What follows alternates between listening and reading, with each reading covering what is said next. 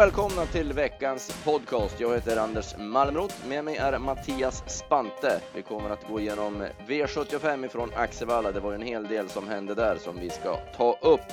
Blicka framåt var ju jackpot både onsdag och lördag och även ger en koll vad som hände i Frankrike i helgen. Mycket smått och gott, häng med!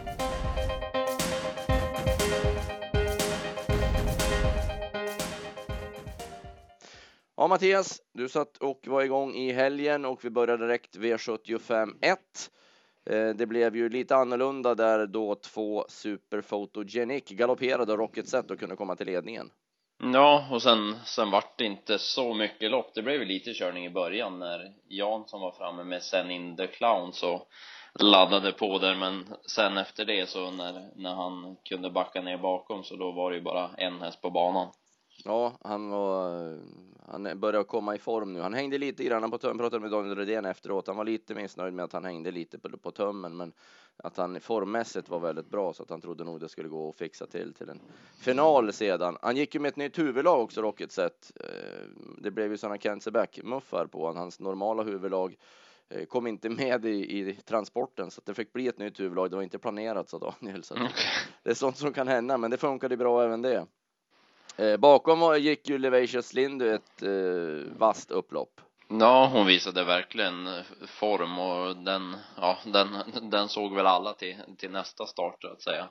Ja, det var eh, våldsam form på Levacious Lindy.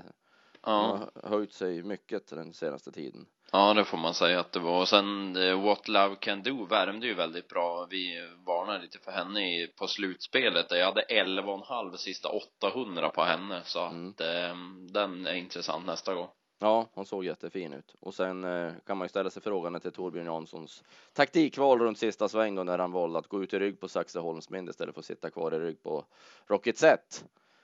Eh, han tappade ju en placering på det i alla fall nu och blev trea. Ja, det var inte helt optimalt. Nej. Eh, V75 2. Där har vi då eh, den omtalade händelsen i omgången när Frank Nilsson fimpar Oskar Kylinblom i första sväng med sin Asterix Hornline.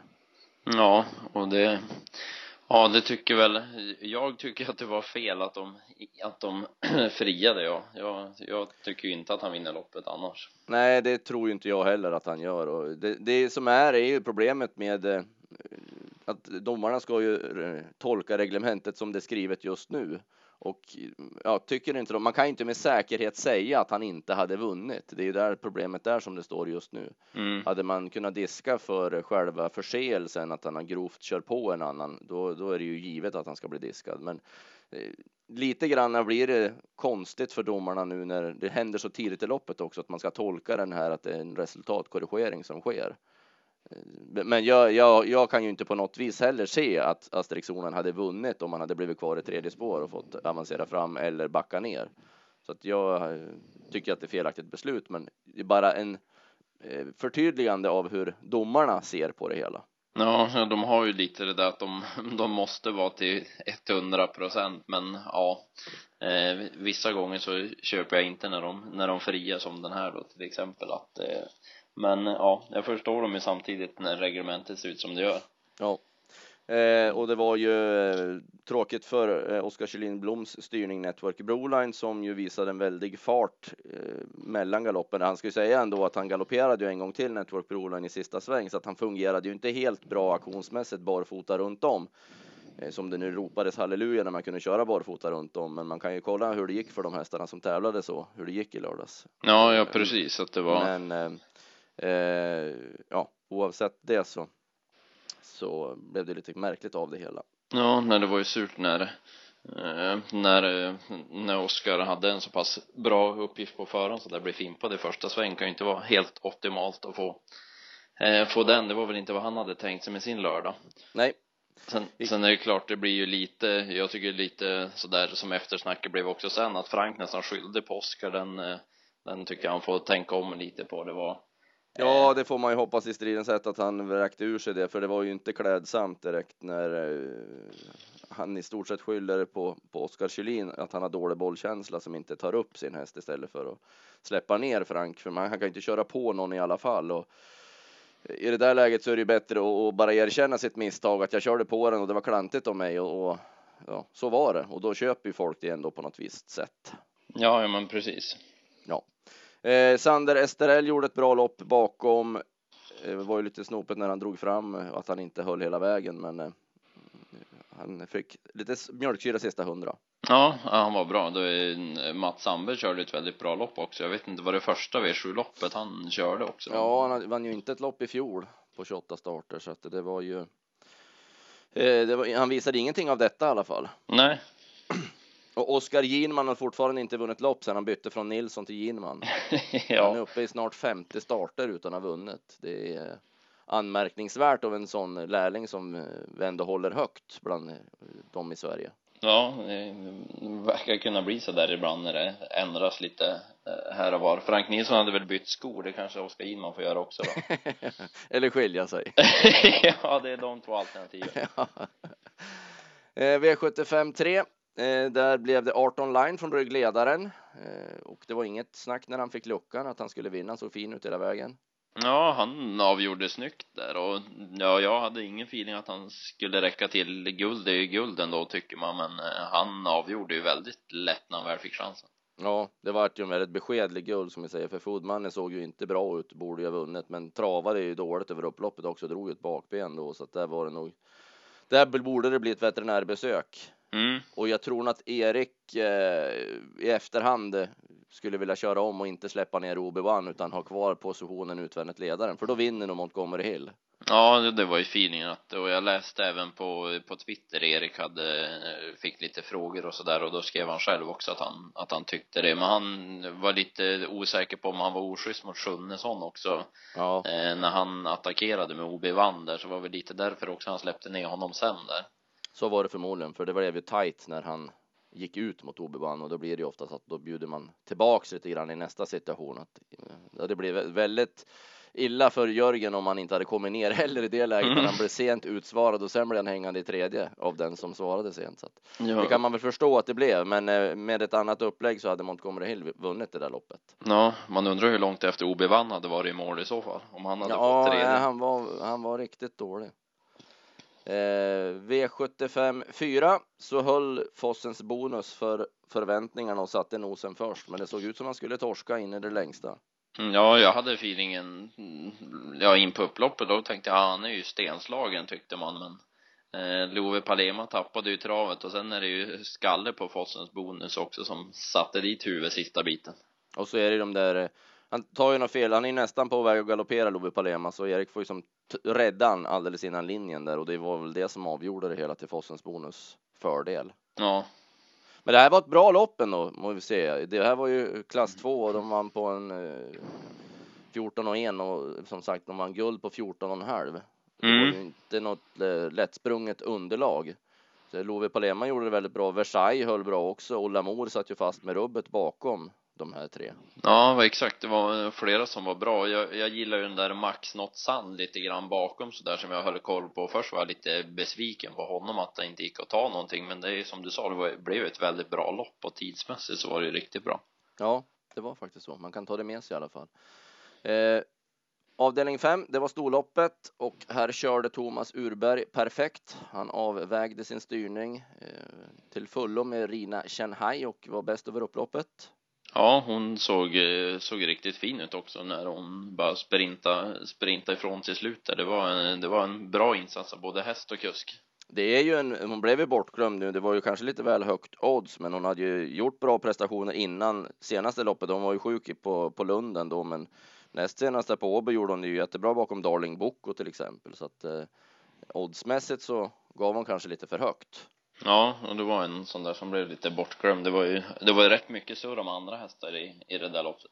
Ja, det var ett spelvänligt lopp på det viset, för ja, Anders Svanse drog ju upp Seduced by Face och Sugar Mark var ju konstig favorit, men var i alla fall favorit och, och så var det ju väldigt speldrag på Battle Hanover också, så att det var ju och sen som det blev på Baskap in med barfota runt om också på, ja. på tävlingsdagen. Så att det var väldigt många som olika läger som hade sina hetshästar i det här loppet. Ja, man ser det på resultatlistan också när man kollar. Det var en fyra, fem gånger på alla där bakom, så alla hade spelat de andra. Ja, precis så var det. Battle Hanover gör ju ett jättebra lopp återigen, men det blev lite för långt fram. Hon fick för dåliga ryggar på bort långsidan. Ja, det var det hon, det hon torskade på att det är en fin häst han har där.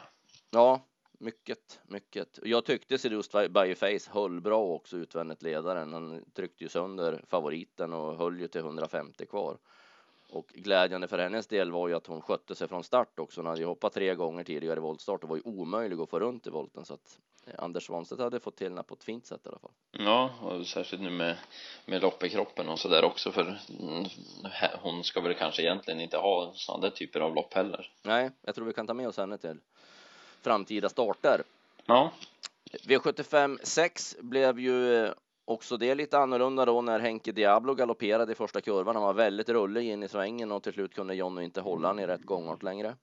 Nej, han såg ju som aldrig bra ut även om han spetsade så ja, man satt nästan och väntade på, på galoppen och den kom ju där. Sen blev det ett väldigt konstigt lopp av det hela med, med Denin Boko i spets och en het Shaman Star M utvändigt. Mm. Ja, Per Nordström var nog inte helt nöjd när han fick den tryckaren. Man ju ge Denin Boko ändå på att hon höll för, väldigt bra för att vara henne med den press som blev första varvet. Ja, för hon var ju, hon var ju på sätt och vis slagen, ja in på upploppet var hon ju slagen och det är ganska långt Axevallas upplopp men hon kämpar ju på bra där som femma så att eh, hon var bra. Ja, och Mind Your Face vann pliktskyldigt, men han ser jättefin ut. Nu värmer han ju bra också. Du, han har tagit många steg den här hästen ändå. Eh, levererar i stort sett varenda gång nu bra prestationer.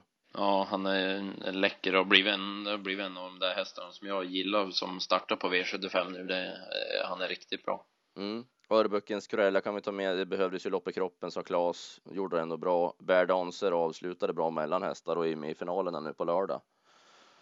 Eh, bakom de här var det väl ändå inte så många som Ja, det var alla Balakaitos tyckte jag såg fin ut när, eh, när han fick chansen sista biten där. Eh, ja. Det, det, var väl den, men i övrigt var det som du säger rätt tunt. Mm. Avslutningen, där blev det då en kubbning in i första sväng, vem som var först och skulle få ta över av Ragamuffen och eh, Johan Untersteiners häst. Vilda Tigern Jack, jag tappade bort namnet. Ja, precis. Och där gick Söderqvist segrande ur striden och även sen i, i mål. Ja, det, ja, det var ju helt loppavgörande som, som det blev sen för det, ja, det var ju bara raggarmuffin sen på, på banan. Det var många hästar i det här loppet som var dåliga bakom. Och här, här var det ju återigen om man tittar på loppet, det är ju helt sjukt alltså vad folk är rädda, eller folk, vad kuskar är rädda för innerspår. Ja, Va? Det, det, såg inte klokt ut på första bortre långsidan när de kom ut där. Det var, det var två hästar. Till slut var det ju Anders Svanstedt eh, tredje invändigt då med Lasken Palema. Mm. Men det var den ena hundraoddsaren efter den andra i stort sett där som satt kvar i andra spår och trodde på chans. Men den chansen de har är ju om de går ner på innerspår. Jag förstår inte taktikvalen när de gör sånt här alltså. Ja. Nu, var de, nu var de etta, tvåa, trea, de som var på innerspår. Ja, det är jätteofta att det är så, men det måste väl vara det där att ja, men många tycker man kör en bra häst och då tror man att ja, men kör jag i andra spår då får jag i alla fall chansen, men samtidigt så sitter du i sjätte ytter och vinner du inte V7 heller, utan då är tredje inner som är chansen. Ja, Nej, jag, jag, jag hajar inte grejen riktigt. Men som eh, Adrian med Light Brodde, man har varit invändigt istället för att gå på i tredje spår. Eller Torbjörn Jansson med med Jovelli, han satte femte utvändigt med hon som inte har någon möjlighet alls att få poängar om hon inte sitter på innerspår. Mm. Nej, mycket konstigt. Men Ragamuffen var bra. Och ja. Boogeyman eh, var en positiv överraskning från ryggledaren. Ja, det får man ju verkligen säga. Han, eh, han stod väl ja, han stod bara i 40 gånger. Jag tänkte säga han stod väl i 100, men det gjorde han inte riktigt. Nej. Men floppen i loppet, det var ju Odin Töll som de flesta satt med.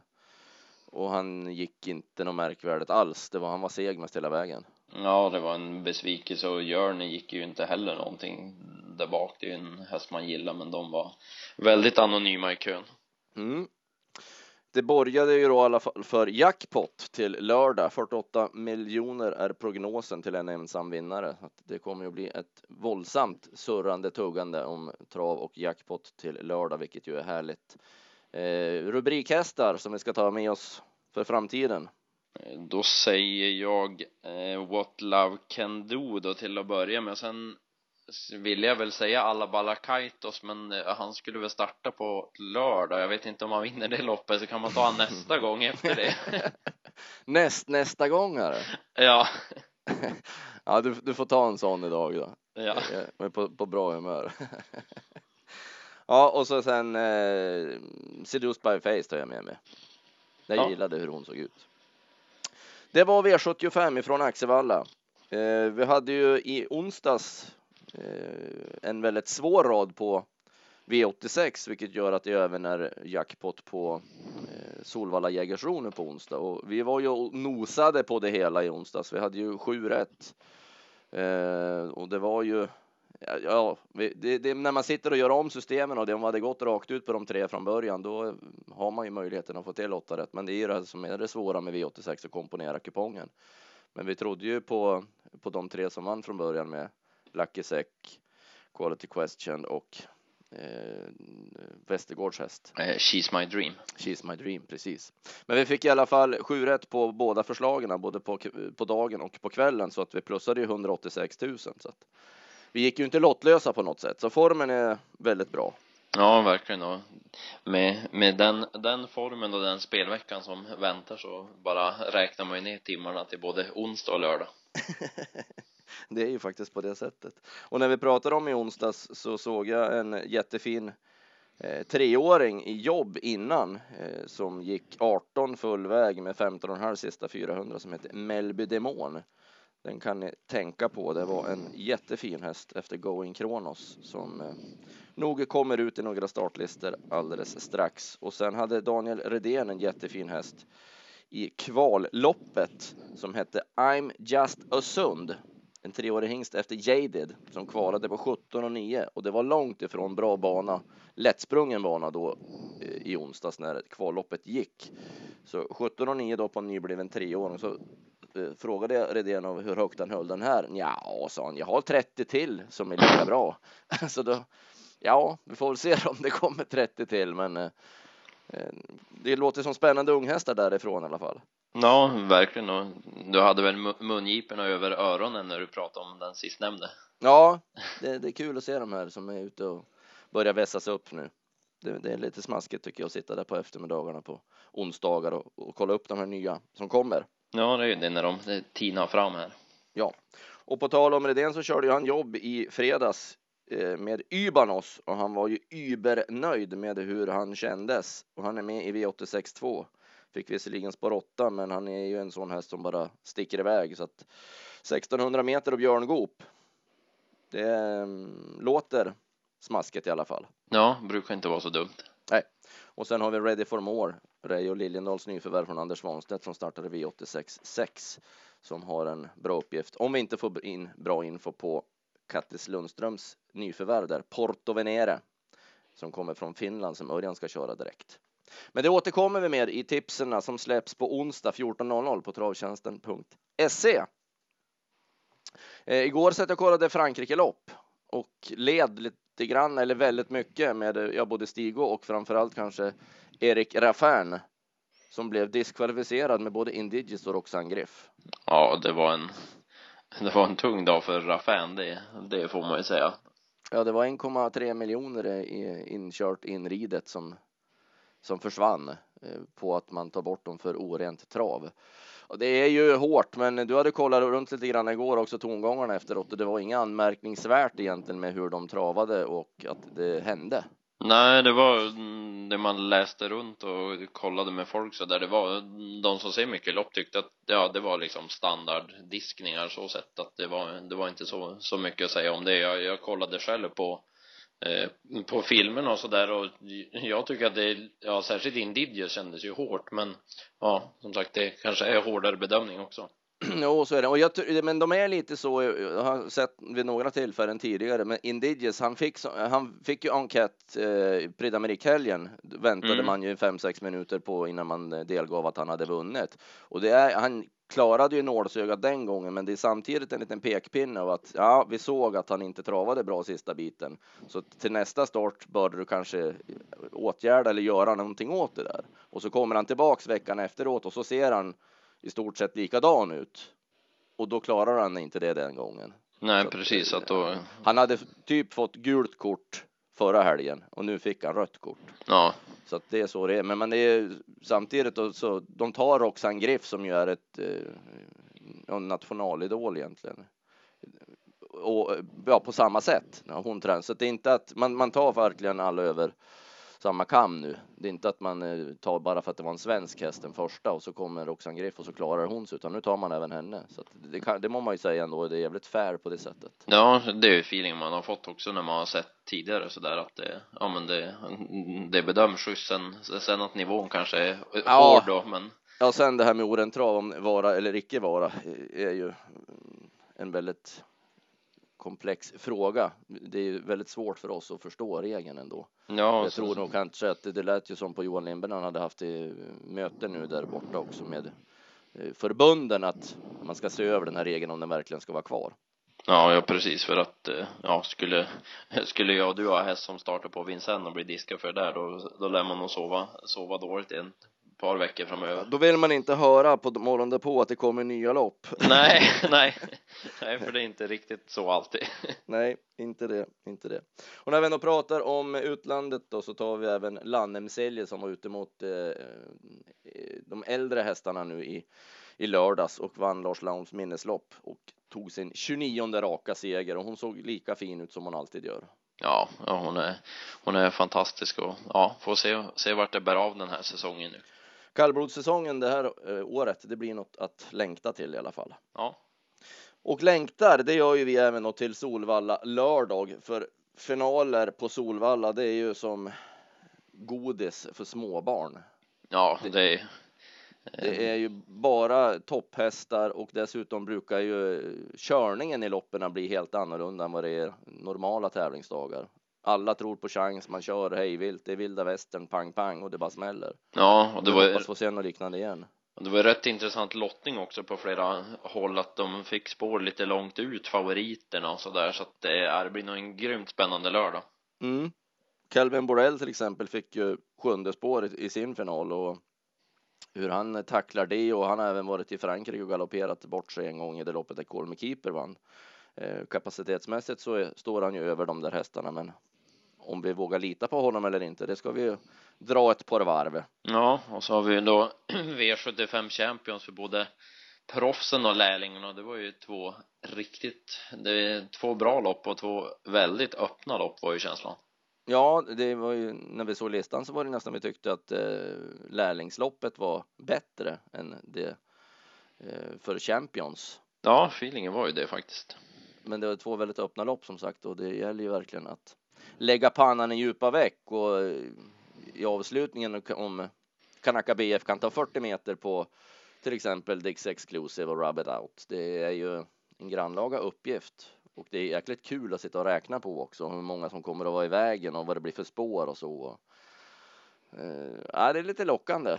Ja, det blir något att bita i. Det blir det verkligen. Vi har ju, undrar om inte jag ska äta gott på onsdag också kommer jag på nu. Det har vi glömt att ta Mattias. Ja, vi har ju som glömt bort den där lunchen som jag torskade Ja. för ett tag sedan. Så, Visst var det så? ja, det börjar, börjar vara en tid sedan, men jag tänkte vi tar väl den på onsdag då. Exid GT hade jag och du hade Cykre. Ja, Och det blev ju en, en lunch till pappa som det heter ibland. ja precis. Så att, eh, nej, vi får, vi får ta den på onsdag så får jag betala av den där. Det går inte att vara skyldig den där hur länge som helst. Nej, det är bra. Jag har gått och varit hungrig väldigt länge nu så att eh, Ja, så vi tar den på onsdag då. Yes. Det blir fint. Och så hoppas vi att ni andra tar dem på liret. Plugga så gott ni kan. Om inte annat så får ni den hjälp ni behöver av oss på Travtjänsten. Och tipsen till onsdag klockan två som sagt och till V75 fredag klockan 15. Ha en bra spelvecka allihopa. Njut och må väl. Tack Mattias. Tack själv. Hej!